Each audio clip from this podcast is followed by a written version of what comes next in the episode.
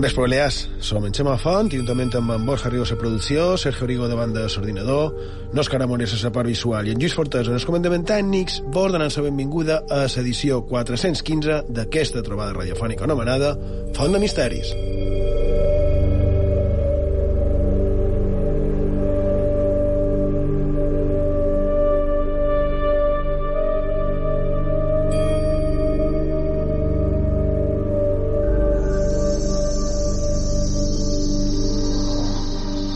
Bon vespre, Borja Rigo. Bon vespre. Sergio Rigo, bon vespre. Bon vespre, Xema.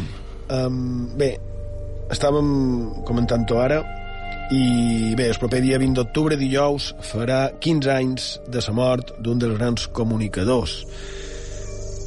Un dels grans comunicadors que el manco per nosaltres, és la nostra, la nostra opinió, el nostre pare, és un dels grans comunicadors que, que ha donat a aquest país. I per aquest motiu, i que com tres, tot tres coincidim amb això, jo crec que en lloc de dedicar-li eh, uns, uns segons en, en el que nosaltres anomenàvem habituari, jo pens que podrien dedicar-li una mica més de temps en el proper programa, poder dedicar-li més temps a la figura de senyorat en Juan Antonio Cebrián, eh? que era salma mater dels programes Turno de Noche i, i també de La Rosa de los Vientos, així que mm, sé que ho teníem previst per, per avui, però si vos sembla, Lots, eh, ho deixam per la propera setmana i avui m'ho anem a altres feines. Per la meva part, m'apareix que és... Eh, bé, no, no, no hi ha discussió possible. És a dir, se mereix més que, que un minut d'obituari o dos minuts, mereix eh, parlar d'ella en profunditat, i a més, casualitats d'aquestes de, de, de sa vida o dels misteris, resulta, se va ser 20 d'octubre, Sí. i resulta que el primer programa de ràdio dedicat a misteris que van fer en Sergio i jo va ser a setembre de 2007, en aquest cas, però el primer programa el van dedicar en part obituari per recordar a la figura de Jiménez de l'Oso. O sigui, Que havia mort dos anys i mig abans. efectivament. Sí. I de... està tot sempre vinculat i, i lligat. I de vos per bé? M'ho pareix bé, m'ho pareix bé. I de, així, si vol Lluís, tiram cinto sumari i començam.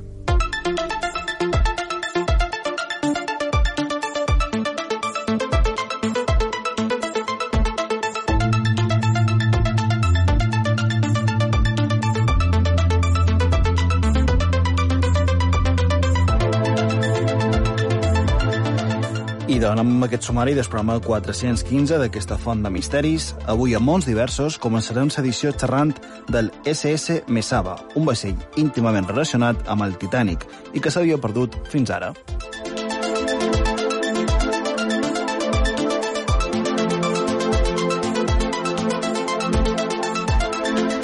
També comentarem unes notícies relacionades amb Mart i que fa uns dies varen veure la llum i estan relacionades amb la possibilitat de vida en el planeta.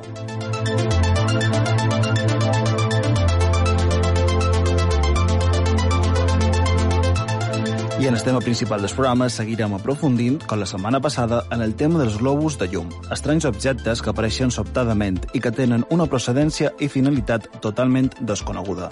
Hi ha qui diu que se deuen a causes naturals i qui els atribueixen orient sobrenatural.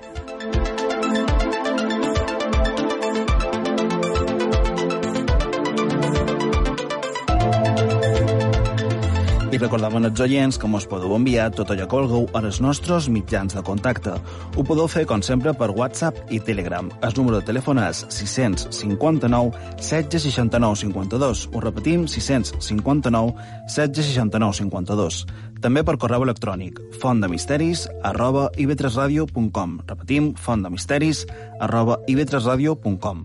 També mos podeu seguir a les xarxes socials. A Facebook i a Twitter ho podeu fer cercant Font de Misteris.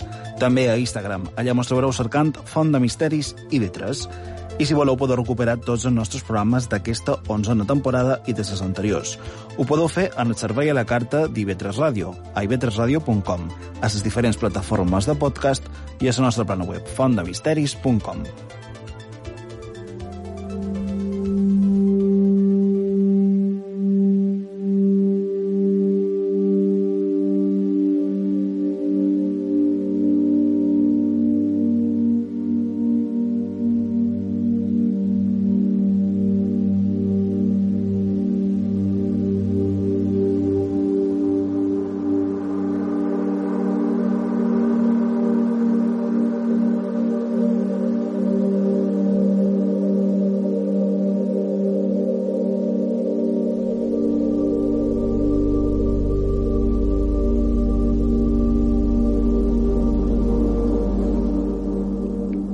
Sergio, has dit que anaves a parlar d'un vaixell, el SS Mesaba, relacionat amb el curiosament fascinant Titanic, que bé, avui en, en en Galindo, el nostre company d'informatius, ho, estava, ho estaven comentant en el programa.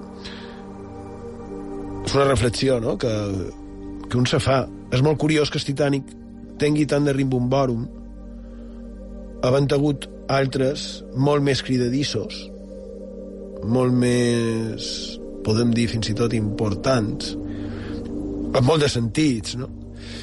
i en canvi el Titanic després de 110 anys que fa segueix estant sempre eh, en els titulars i les notícies no? és, és curiós però anem amb això que, que vols comentar Sergio Rigo i doncs sí, ara anem efectivament a conèixer la història del Mesaba, un barco que segurament poca gent coneix, perquè està molt lligat a una història que sempre ens fascina, com és la del Titanic. I per què xerram d'ell? Perquè fa unes setmanes han aconseguit trobar-lo a les profunditats de la mar. Si vos sembla, anem a conèixer més detalls.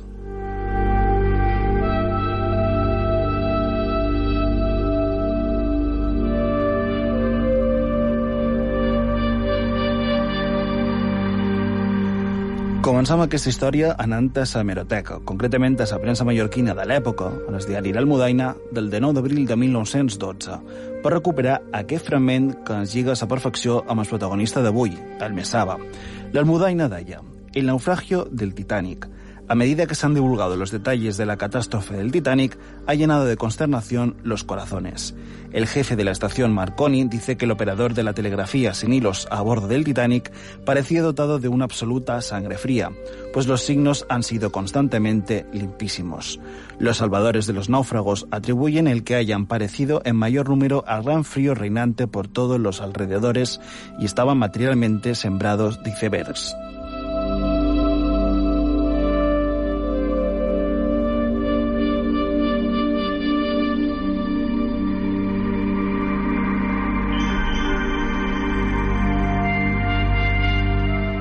Los salvadores de los náufragos atribuyen el que hayan perecido en mayor número al gran frío reinante, pues todos los alrededores estaban materialmente sembrados de icebergs. És a dir, l'almudaina i tota la premsa de l'època ja té clar que en principi un iceberg havia estat el causant de l'enfonsament del Titanic. Ara entrem en altres teories, però la versió oficial des d'aquell moments és aquesta i de precisament el que ara s'ha descobert i hem pogut llegir a revistes com la National Geographic és que localitzen el SS Mesaba, el buque que alertó al Titanic de la presència d'un gran iceberg.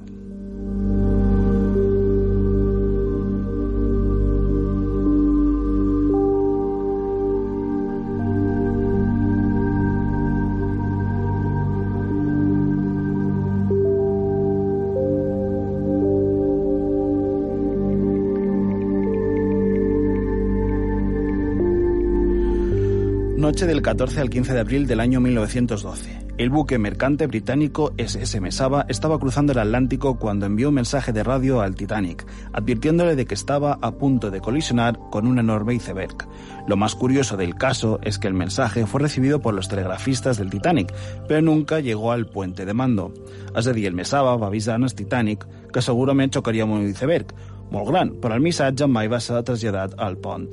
Han dit que no era el moment de parlar de teories no oficials, però ja deixa caure qualque cosa, National Geographic. El cas és que ara, com estan dient, s'ha descobert aquest vaixell.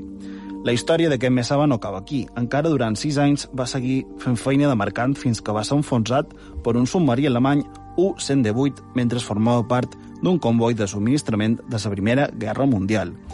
I d'ara, més de 100 anys després, ha estat descobert a la mar d'Irlanda, gràcies a una tecnologia que se diu Multi-Ath, i que té la capacitat de dibuixar un mapa d'alta definició de les profunditats marines.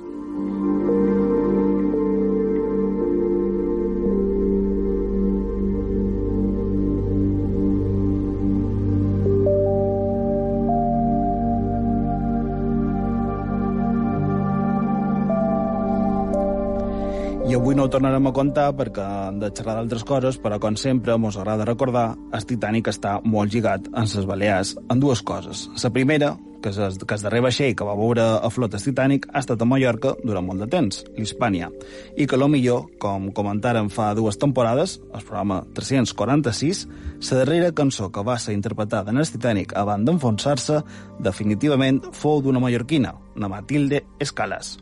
Podria ser? Si vos sembla, un altre dia tornem a recordar aquesta fascinant història.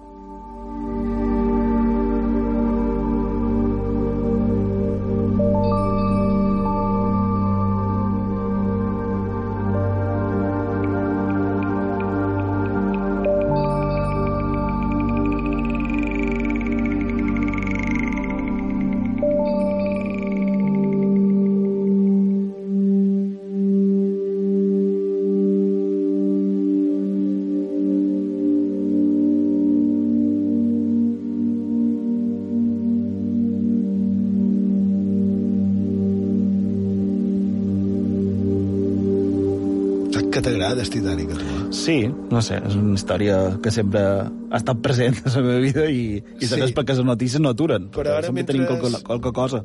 Però mentre tenien la musiqueta pujada, eh, comentant per què deu tenir tanta fascinació, tu dius que és per la pel·lícula. Sí, jo, jo crec que és la pel·lícula i per la repercussió que va tenir, que ho direm entre cometes, ho va petar uh, en el cine. I per Clar. tant, pues, la gent té a l'imaginari uh, pues, que el Titanic va ser molt important i com si no hagués més, més casos, com, com tu has dit. És que, efectivament, és un, és un cas fascinant, mos encanta, mos, mos meravella, sempre que podem, Manco, en Sergio i jo, i tu també, és cert, trascam damunt aquest, aquest vaixell, Sí. perquè, perquè encara, eh, més de cent anys després, encara es font d'informació d'actualitat, Que, però és el que deis, és a dir, és, ni d'en fora és el naufragi més important. Tenim es, es, es William... bé, no, no comencem a, a fer una dissertació damunt vaixells perquè ja han dit que no, que no la faríem. L'únic era comentar això i respecte a la pel·lícula, el nostre amic i avui el nostre tècnic de so, en Lluís Fortesa, per, per, bé, així internament, és, és el que ha dit. Clar, però i per què se va fer la pel·lícula? Precisament perquè era un tema que ja era atractiu.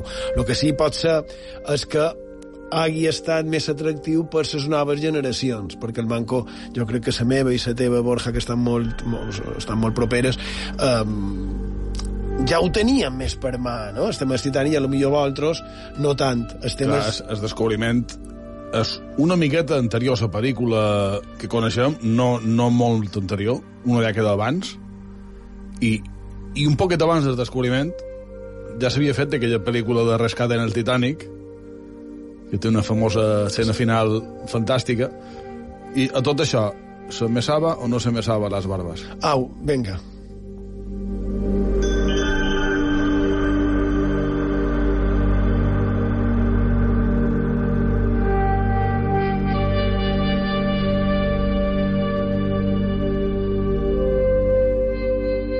Ara volia parlar d'una cosa així més seriosa i donar-li un caire més seriós a tot això i tu molles aquestes barbaritats i clar, i, i un no sap el que ha de fer. és un gest ben seriós.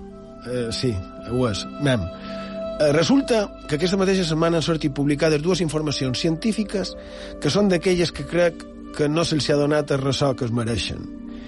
I que m'agradaria breument exposar-les i que cadascú pensi el que vulgui, eh? com sempre, com sempre fem a Font de Misteris.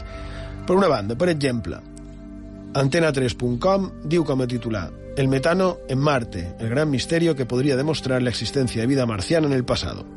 Un estudio realizado por investigadores de Estados Unidos y Francia sobre el metano de nuestro planeta vecino revela que, en su día, Marte fue habitable. Bé, això per una banda. Per una altra, El Mundo diu un nuevo estudio sobre el metano respalda que Marte fue habitable. Y de sots titular posa El origen del metano en Marte sigue siendo un enigma y este gas es una de las claves para averiguar si el planeta rojo albergó vida. Un nuevo estudio sostiene que probablemente reunía las condiciones para que vivieran microorganismos.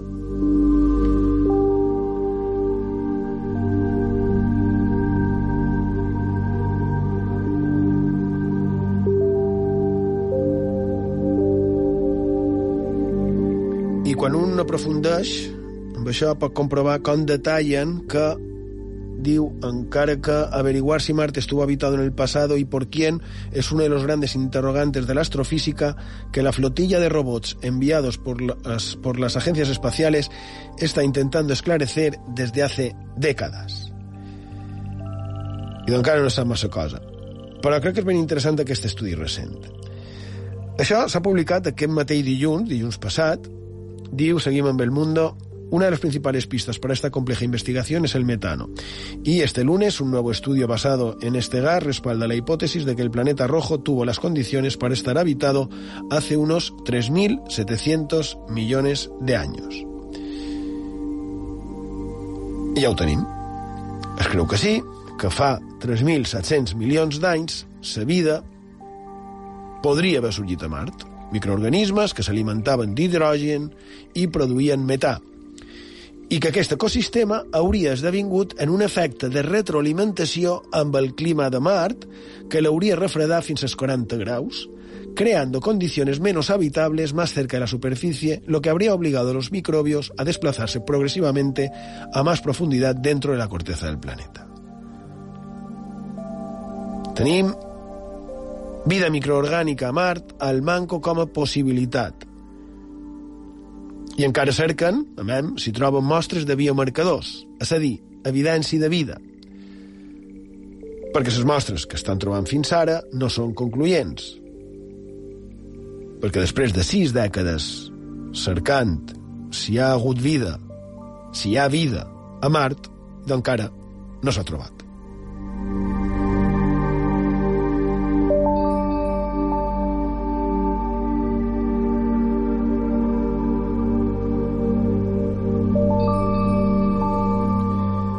He dit abans, las condiciones para estar habitado hace unos 3.700 millones de años. Sabeu quan es creu que es va originar la vida a la Terra? Idò, fa més o manco això, també uns 3.700 milions d'anys. Que serà casualitat. Clar, serà casualitat.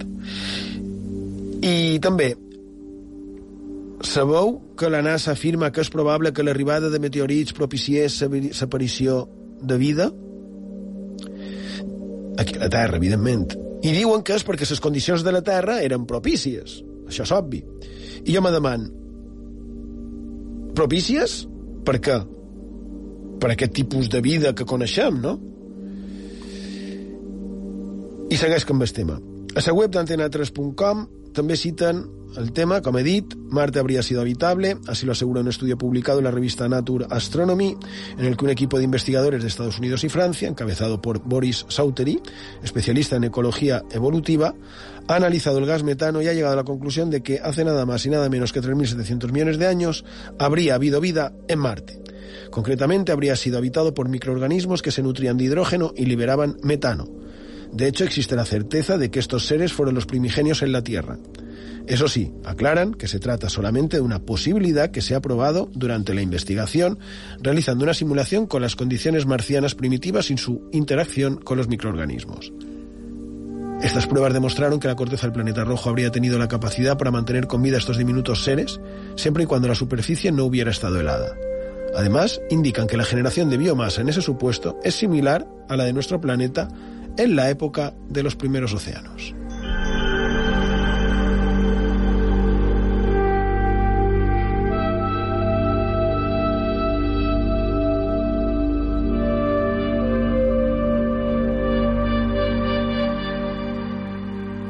Això diu la ciència. Però, clar, a dia d'avui encara no sabem quan ni com realment es varen produir les extincions massives a la Terra, a l'època dels dinosaures. Estic parlant de la Terra. Bé, que també hi ha qui diu que els dinosaures van follir de la Terra, Borja. Això també, hi ha la teoria, no te'n riguis. Però, parlant seriosament, parlant de la presència de vida fa 3.700 milions d'anys i no sabem encara quantes extincions massives han anat succeint aquí a la Terra. Essent la darrera, crec, crec que és de fa 66 milions d'anys. I si ho miram bé, si reflexionem en l'evolució dels humans fins a arribar en el que som ara, en el que som ara i en la nostra capacitat dels humans d'autodestrucció, i d'això s'ha duit a terme, s'ha evolucionat, la paraula no seria evolucionar en aquest cas, però des de quan s'ha aconseguit un avanç per arribar en el que som? No sé, els darrers, per dir qualque xifra, els darrers mil anys, ja no dic cent, dic 1.000. Però, clar, això no és res, absolutament res comparat amb els darrers 66 milions d'anys des del darrer asteroide gegant que hauria provocat la desaparició massiva de la vida a la Terra. I dic jo, no pot haver hagut altres esdeveniments que encara no coneguem?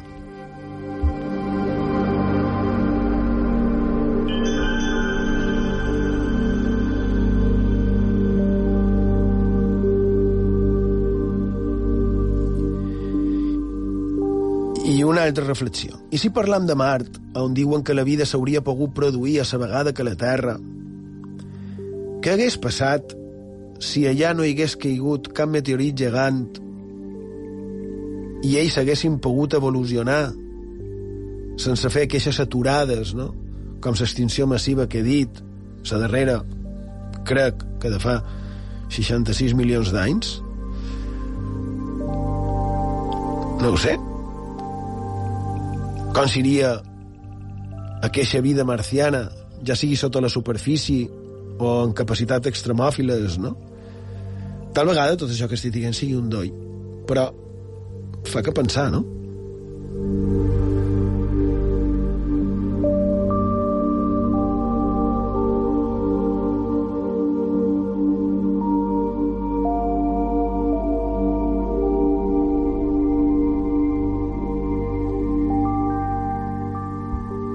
I dit això, i com a punt final, i deixant palès i ben clar que no he fet res més que agafar notícies d'aquests dies, però mireu quin altre gran desconeixement del que mos rodeja.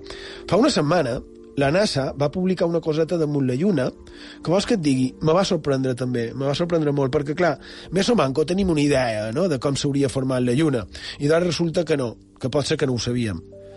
Traduït de l'anglès, de la plana web de la NASA, ve a dir més o manco que una nova simulació de, de la NASA i la Universitat de Durham presenta una teoria diferent damunt l'origen de la Lluna.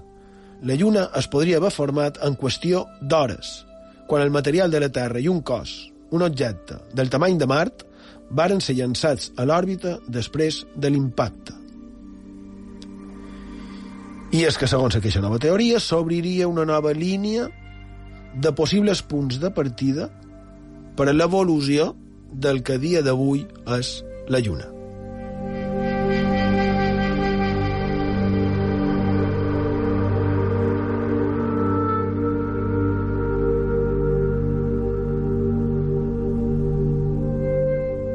A mi aquesta nova teoria m'apareix fascinant. Veurem fins on, fins on du, la de la creació quasi instantània de la Lluna, però en quant a les possibilitats de vida microscòpica a Mart, em pareix molt interessant reflexionar damunt una qüestió, i és que tradicionalment se mos ha dit a nivell científic que no hi ha vida a l'univers, manco el moment. I no vos pareix que per no haver vida, com a massa casualitat, que a dos planetes consecutius més o manco a la mateixa època hi hagi la possibilitat aquesta, no voldria dir que realment, per estadística pura, és molt més fàcil que hi hagi vida d'altres indrets? Perquè si ha passat aquí, teòricament, a dos planetes consecutius a la mateixa època, tenint en compte les incomensurables dimensions de l'espai, raro seria que no hagués passat a moltíssims altres indrets més.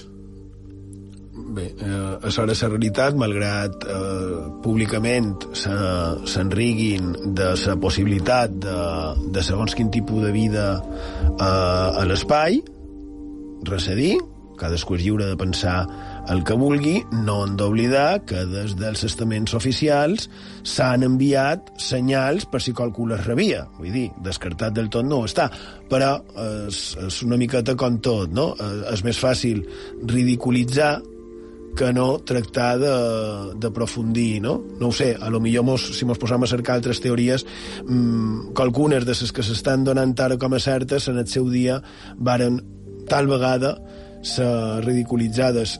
Jo el que la Lluna s'hagués format en qüestió d'hores, trobaró en es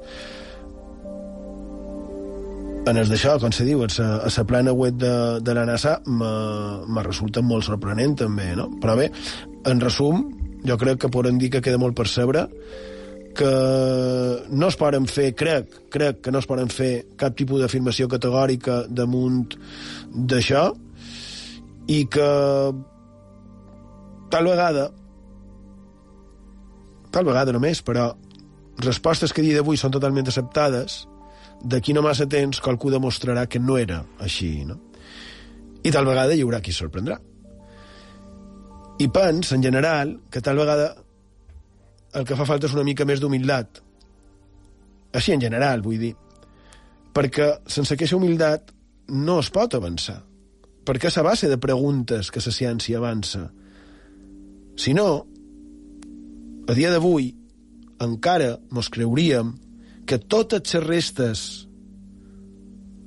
de, que es van anar trobant, principalment en el segle XVIII, en el segle XIX, i que eren atribuïdes a gegants, i de si no s'hagués estudiat, si no s'hagués mirat, i de encara mos creuríem que totes aquelles restes són de gegants, perquè no si sabeu que no fa tant que se sap que varen existir uns grans animals que anomenam dinosaures.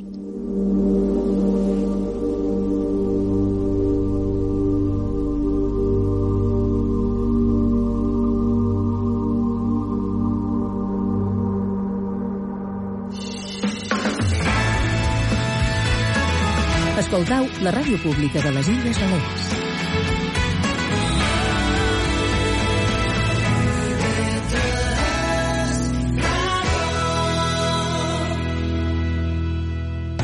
Digues la teva. Participa amb nosaltres. Envia una nota de veu, fotografies o missatges de text al WhatsApp d'IV3 Ràdio.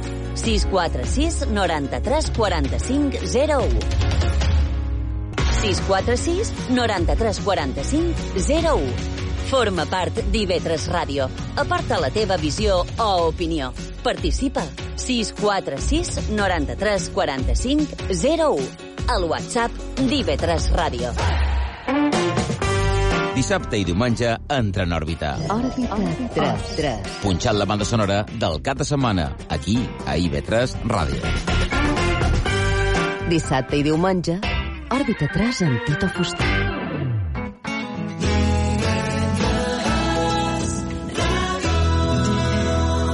Alcúdia, 89.2.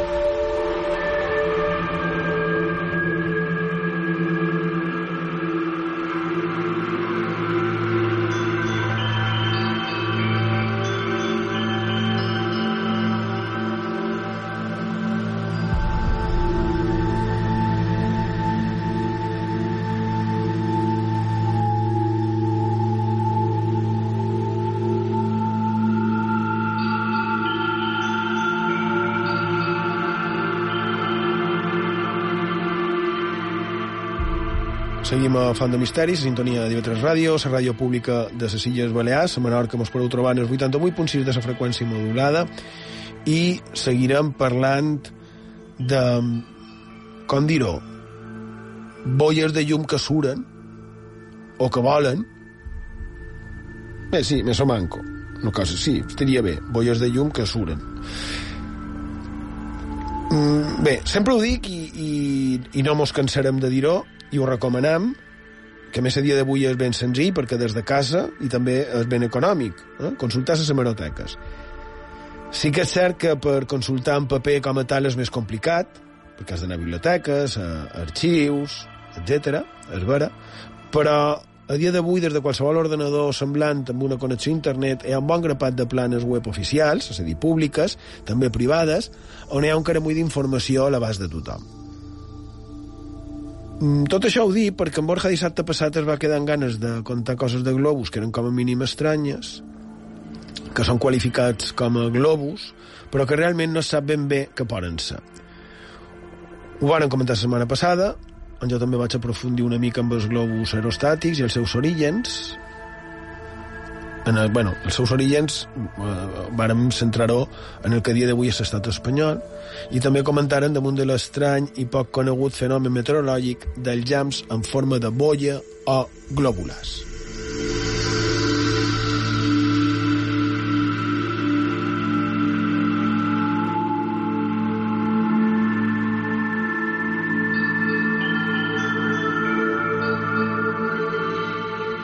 Això se'n se centrava l'Orani a aprofundir en el que està clar que són asteroides, meteor, meteòrits, bòlids, eh?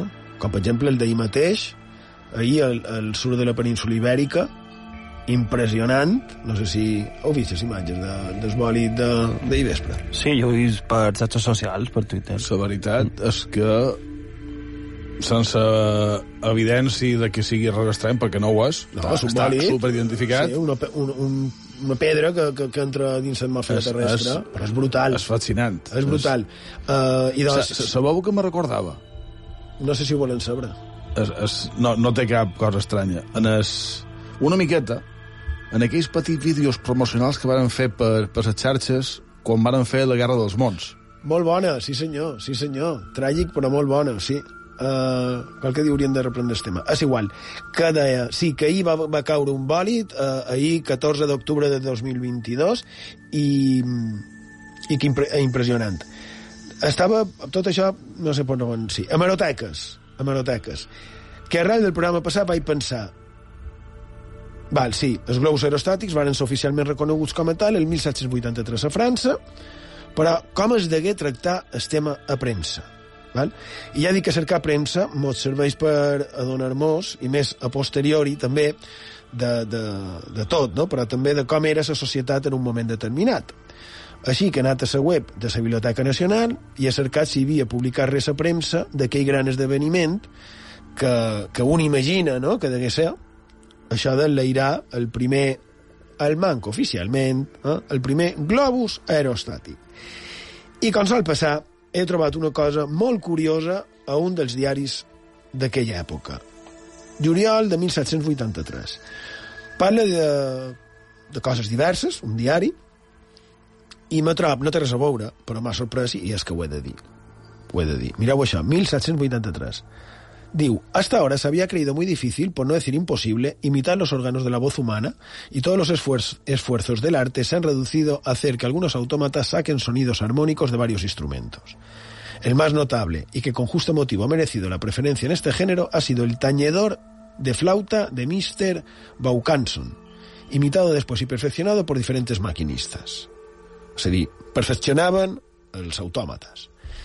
Hemos visto en esta capital muchas producciones de esta especie, pero no ha llegado a nuestra noticia que ningún mecánico haya conseguido hacer pronunciar palabras bien, articulados, bien articuladas a un autómata.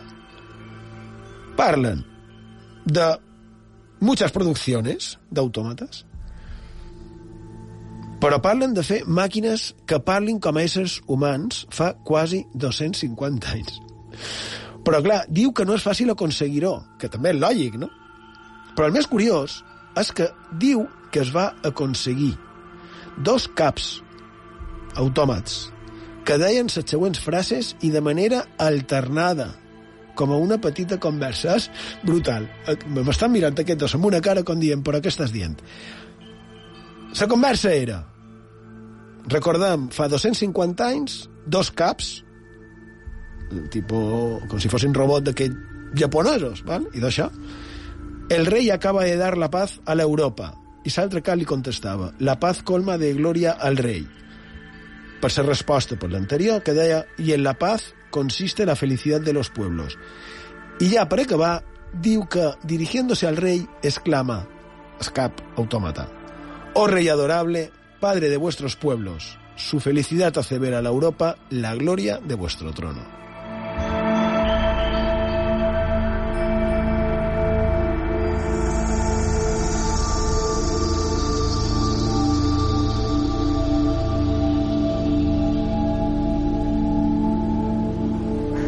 Ara això m'ha recordat de la calavera en Murray del Monkey Island. Monkey Island és un joc d'ordinador, un videojoc, com no podria ser d'altra manera, que friquis no els guanya ningú, també ho dic. I, i jo ara, ara pensava que, evidentment, aquests autòmats estan fets a base d'engranatges i de, sí, i de seqüències mecàniques. No crec que tinguin un alè diví, no ho crec. Vull pensar que no.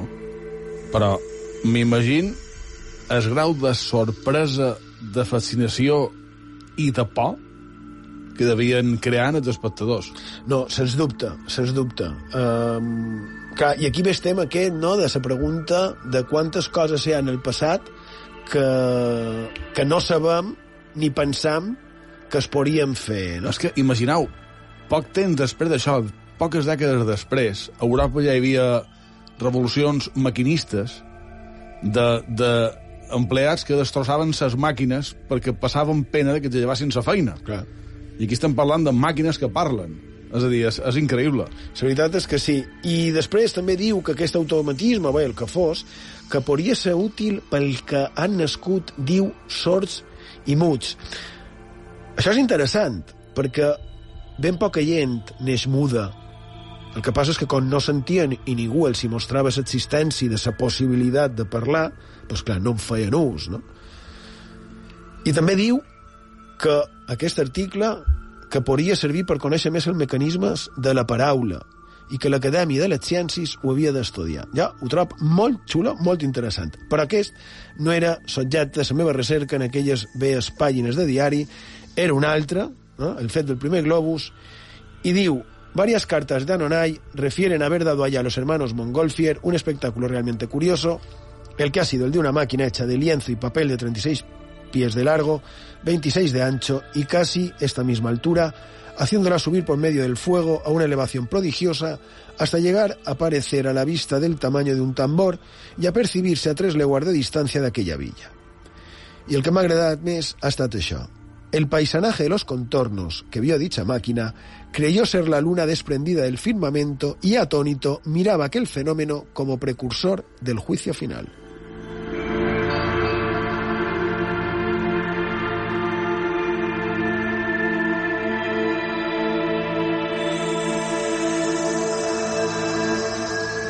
Clar, jo trobo molt interessant aquesta descripció perquè no hem d'oblidar que la gent no sabia que era jo, allò que, que, que estava succeint, perquè estava veient qualque cosa que volava. Imaginem quin susto, no? I més si havien vist abans els, cap, els caps aquells que xerraven. Veient aquella màquina de sa que es diu, a més, que si es posàs a qualcú que hi pugés i anava ficant més gas, perquè el gas s'anava perdent, deien que podria arribar a pujar fins a l'atmosfera, deien.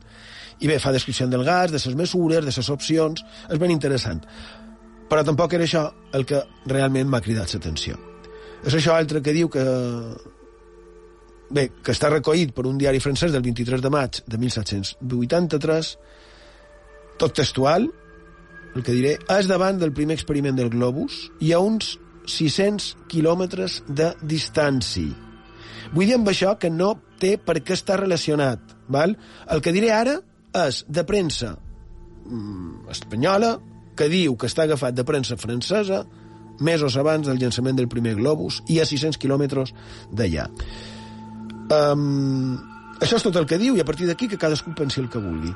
A las 7 de la tarde se vieron bajar perpendicularmente y con extraordinaria rapidez sobre las parroquias de San Maurice le Girard y de Tinge tres columnas que en toda su longitud eran del grueso de un tonel ordinario y que salían de tres nubes separadas y distante una de otra como un cuarto de legua. Estas columnas llegaron en un instante a las nubes y a la tierra y absorbieron el agua de los ríos con una celeridad y estruendo asombrosos, semejando este último al de un carro que corre por un empedrado y a veces al de una salva de artillería. En lo interior de las columnas se notaba elevarse llamas muy brillantes que salían hacia todas partes sin que las dirigiese el más leve soplo de aire. Los árboles más robustos se doblaban de suerte que parecía iban a romperse, y este espectáculo, que consternó a los habitadores, dando motivo a que abandonasen sus casas, duró cerca de una hora.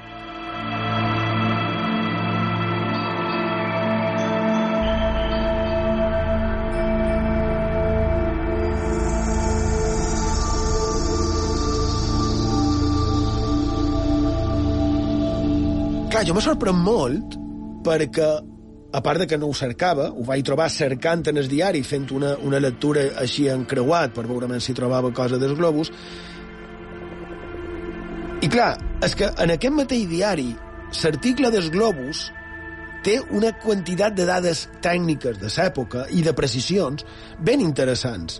I parla fins i tot d'Acadèmia de les Ciències. I de cop i volta mos trobam això, que no dic que no tingui una explicació lògica, que la deu tenir, clar que sí, però el manco com a mínim pens que és sorprenent.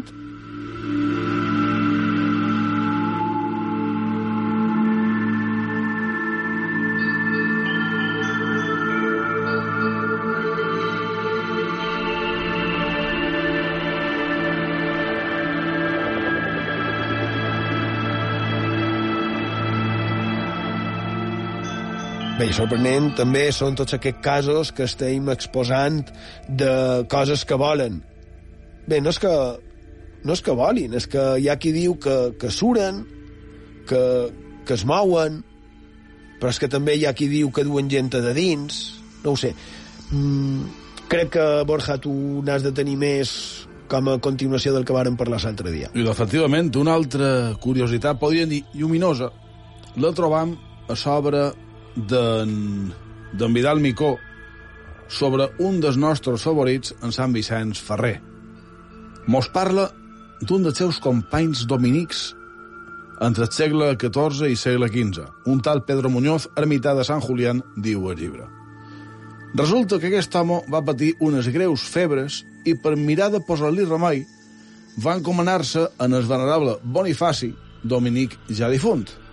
Això ho va fer mentre l'ermità se trobava dins s'excusat. I què va passar? Diu, vio en su retrete un globo de luz y que le decían, curarás ahora, pero volverán las calenturas porque te convienen, y así fue.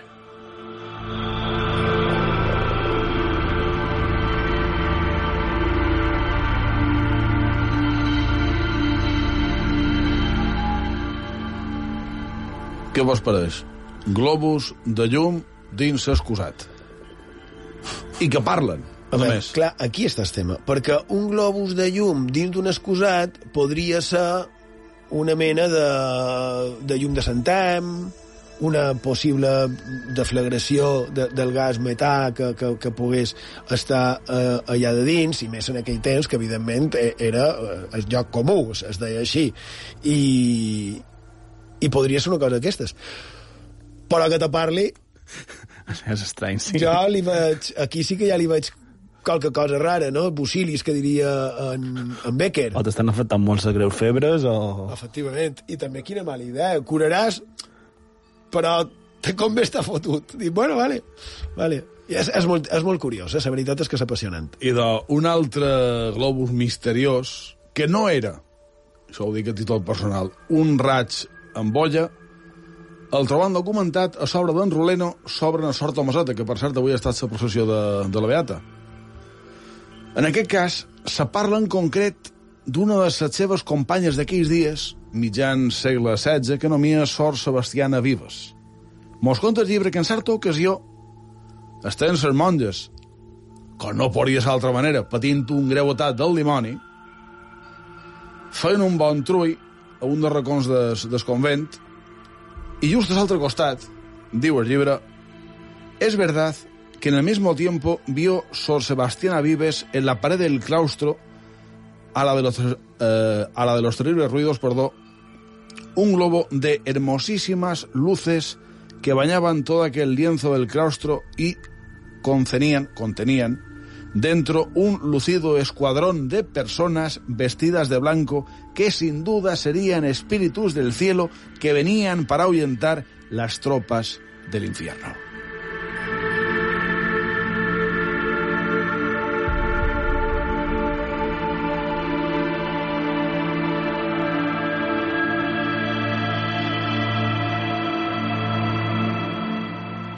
Creo que ha quedado bastant manifest és perquè, de la meva opinió, que no era aquest fenomen meteorològic estrany conegut, conegut com a raig en bolla, perquè entre les numeroses mm, atribucions que varen parlar l'altre dia no hi havia aquella que es posàs que hi hagués persones de dins. Bueno, i un munt, un munt de colorins, que també vas dir, com si fos... També. Jo, jo és que m'he imaginat una bolla de discoteca, quan de lo de els llumets i tal.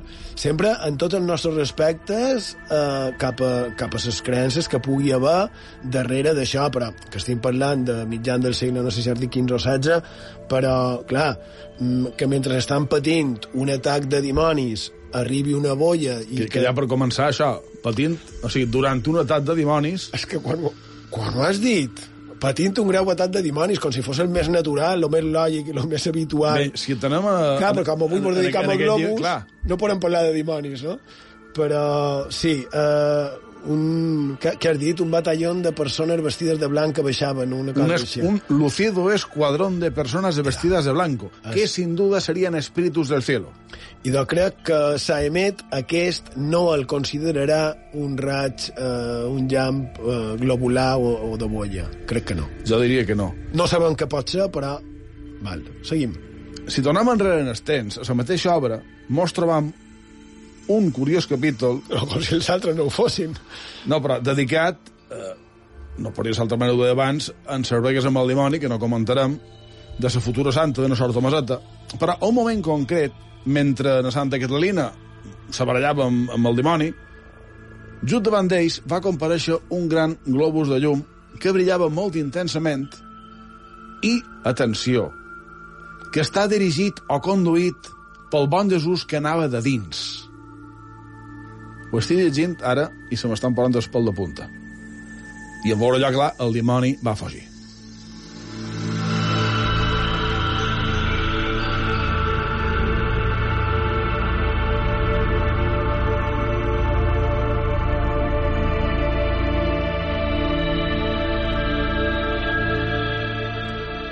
I de si a tu se te posen els pèls de punta, com se li haurien posat eh, la caceria Santa Caterina Tomàs veient aquella imatge? Ha- Havia de ser brutal. Què més tenim? I de, a Sant Nina encara, mentre vivia a Valldemossa, conten en Roleno, la seva obra, que en certa ocasió, al vespre, anaven a, a Santa Catalina acompanyada d'una dona major i d'una altra nina. Per ventura serien la seva predina i la seva germana. Amb això, que passen a prop del cementeri i, clar, aquelles ombres que se formaven en la claror de, de la lluna els hi van espantar. I què va passar en aquell moment? Diu, dic solo a la niña, no hay que tener miedo ni temor. Vamos. Y levantando los ojos, vio una hermosísima mujer en un globo de resplandores que la confortó y la bañó de gozos y alegrías el alma. I molt semblant al que s'han contat un altre capítol dedicat a més bregues amb el dimoni, trobam aquest altre petit apunt. Diu, Entonces, amante el cielo, quiso darle testimonio de lo mucho que se complacía en su constancia, pues se le apareció Santa Catalina mártir en un globo de admirables resplandores, a cuya vista desapareció el limonio al instante.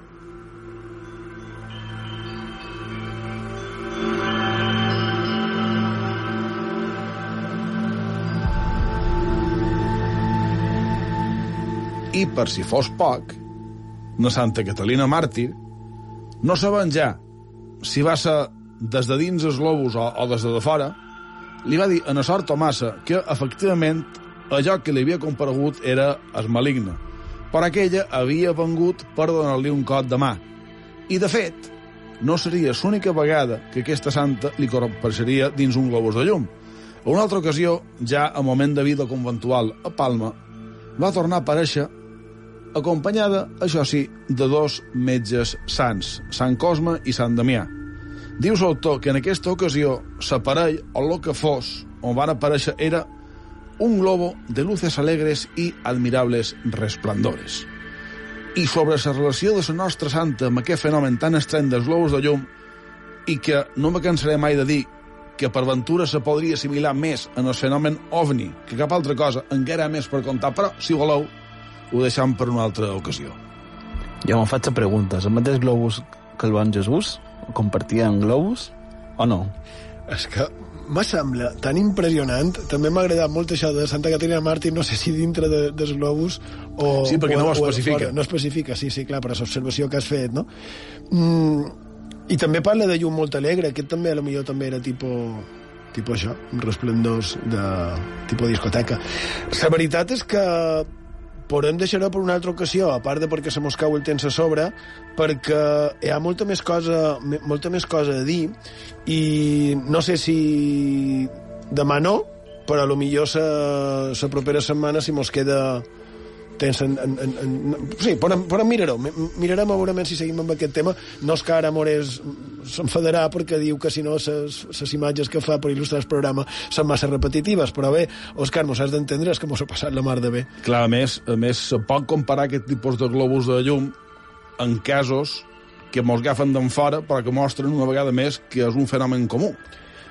Que mos agafen d'en fora i que mos agafen de molt a prop. Ara m'ha vengut en escap un cas ovni aquí a les nostres illes molt desconegut, així que sí, ja t'he dit, demà no, però per dissabte qui ve seguirem amb aquest tema, perquè ara m'has fet recordar el cas d'una escriptora famosa en el seu temps que va tenir un albirament ovni a les nostres illes i que resulta molt curiós pels testimonis que hi havia. Però ja serà un altre dia, aquí, a Font de Misteris, a IB3 Ràdio.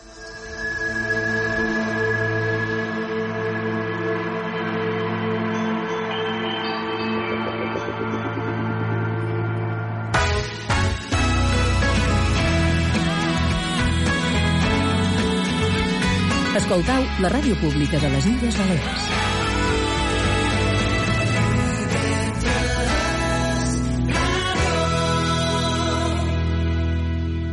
Dissabte i diumenge, la informació continua actualitzada a les 8 del matí i a les 2 del migdia als informatius cap de setmana de la ràdio pública.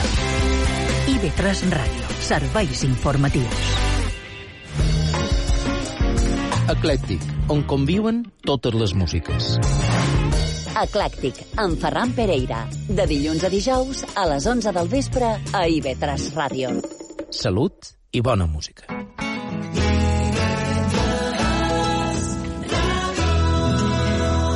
A Sant Josep, 102.3.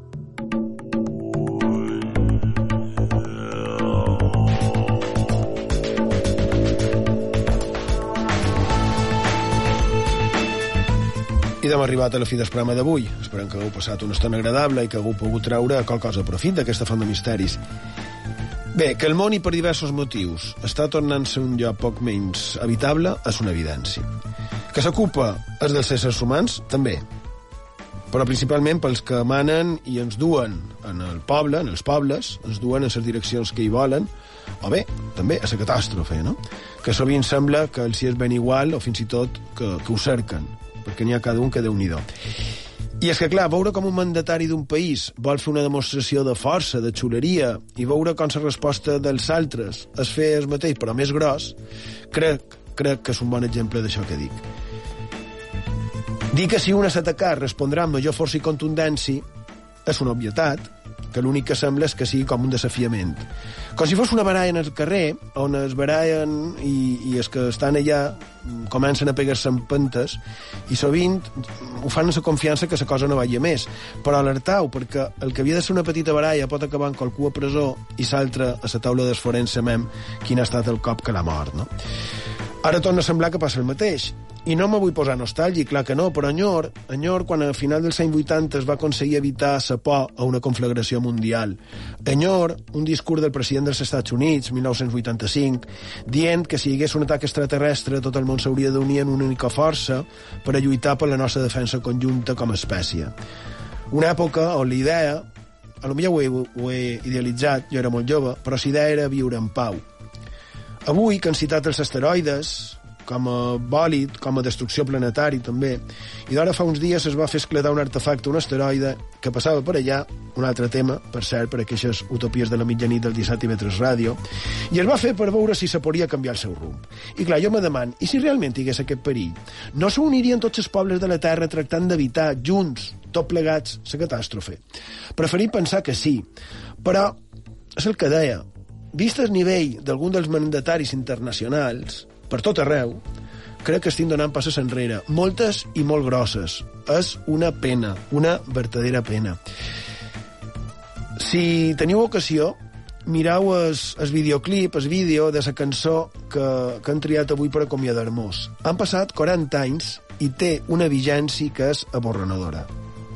Però sabeu, això ens pot servir també per fer una crida a l'esperança. Perquè si d'allà hem arribat aquí, pot ser que finalment triomfi el seny. Quan dos pobles van a la guerra, només es podrà marcar un únic tant. Del Frankie Goes to Hollywood, Two Tribes, dues tribus. Allí, Pau, bona nit, gràcies per la vostra companyia i fins demà.